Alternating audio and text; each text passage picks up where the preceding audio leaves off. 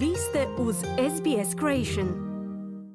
Za radio SBS Ana Solomon pojašnjavamo što je to genocid. Temeljem međunarodnog prava genocid je zločin, može biti počinjen u vrijeme mira, ali i tijekom rata. Genocid je pojam koji se po prvi puta upotrijebio tijekom nacističkog holokausta. 1948. godine njegovo značenje je definirano od strane Opće skupštine Ujedinjenih naroda u Konvenciji o spriječavanju i kažnjavanju zločina genocida kao acts committed with the intent to destroy in whole or in part a national, ethnical, racial or religious group. Dijela počinjena s namjerom uništenja u cijelosti ili djelomično nacionalne, etničke, rasne ili vjerske skupine, poput ubijanja članova skupine, nanošenje teške tjelesne ili psihičke ozljede članovima skupine, namjerno nametanje životnih uvjeta skupini smišljenih da dovedu do njezinog fizičkog uništenja, bilo u cijelosti ili djelomično,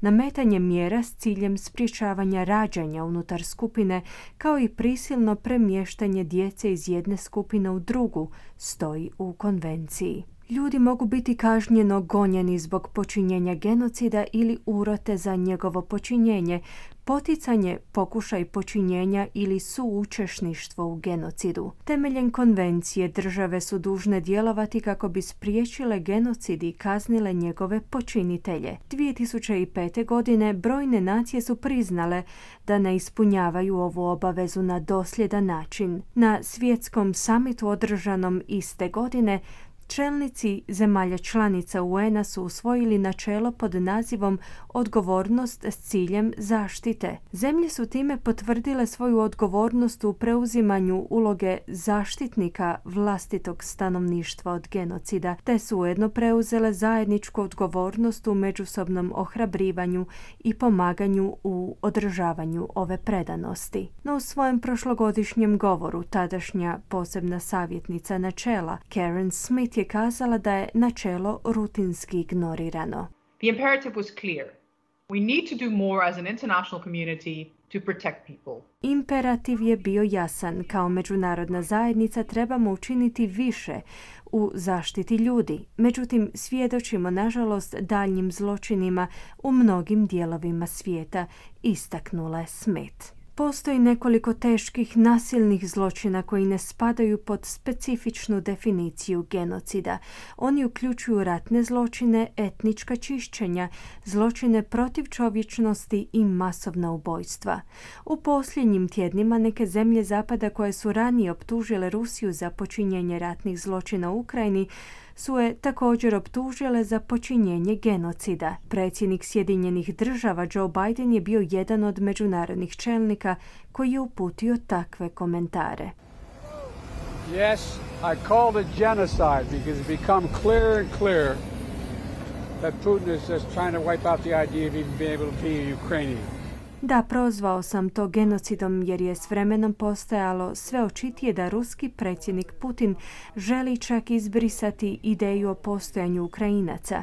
Imamo sve više dokaza o užasnim zločinima koje su Rusi počinili u Ukrajini, izjavio je predsjednik Biden. Glasnogovornik američkog ministarstva obrane Ned Price je kazao da Sjedinjene države podržavaju međunarodne pravnike koji pokušavaju utvrditi postoji li dovoljno dokaza o genocidu kako bi pokrenuli kazneni progon. We are engaged in a process at this very moment to work with partners around the world, but in the first instance our Ukrainian partners. Trenutačno sudjelujemo u procesu koji se odvija u partnerstvu sa zemljama širom svijeta, no prije svega s ukrajinskim partnerima. Pomažemo im u prikupljanju, očuvanju, dokumentiranju i dijeljenju dokaza o potencijalnim ratnim zločinima te genocidu ako utvrdimo da je taj pravni aspekt zadovoljen, kazao je Price. Istrage u Ukrajini i svi kasniji pravni postupci mogli bi potrajati godinama. Profesor međunarodnog prava na sveučilištu Monash, Douglas Guilfoyle, kaže da bi za uspješno procesuiranje neke osobe zbog genocida tužitelji morali dokazati da su ubijeni pripadnici različite nacionalne, etničke, rasne ili vjerske skupine. That offense must have been carried out with the special intent to destroy in whole or in part, a protected group. To kazneno djelo bi moralo biti izvršeno s posebnom namjerom da se uništi bilo u cijelosti ili djelomično neka zaštićena skupina. Trebamo napomenuti da namjerno izazivanje ili sudjelovanje u masovnim ubojstvima nije dovoljno, zaključuje Guilfoyle. Do sada su samo tri slučaja zadovoljila zakonsku definiciju genocida na Međunarodnom kaznenom sudu. Pokolj kambođanskih crvenih kmera 1970-ih nad pripadnicima manjinskog naroda Čama i Vjetnamaca, zatim masovno ubijanje Tucija 1994.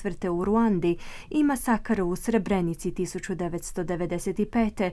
nad oko 8000 muslimanskih muškaraca i dječaka u Bosni. Međunarodni kazneni sud za bivšu Jugoslaviju je 2001. godine osudio nekoliko ključnih osoba za genocid zbog njihove uloge u ubojstvima u Srebrenici. Među zatvorenicima je bio i general vojske bosanskih Srba Radislav Krstić.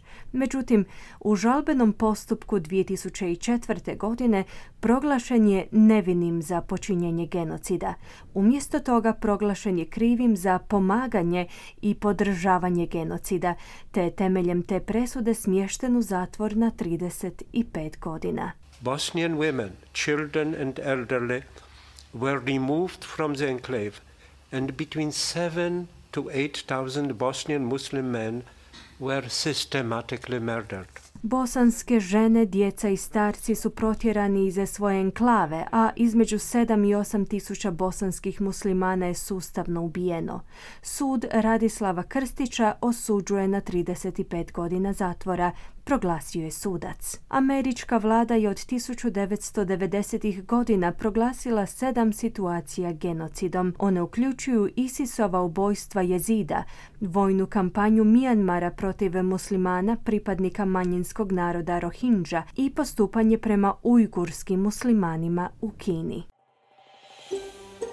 Želite čuti još ovakvih tema? Slušajte nas na Apple Podcast, Google Podcast, Spotify ili gdje god vi nalazite podcaste.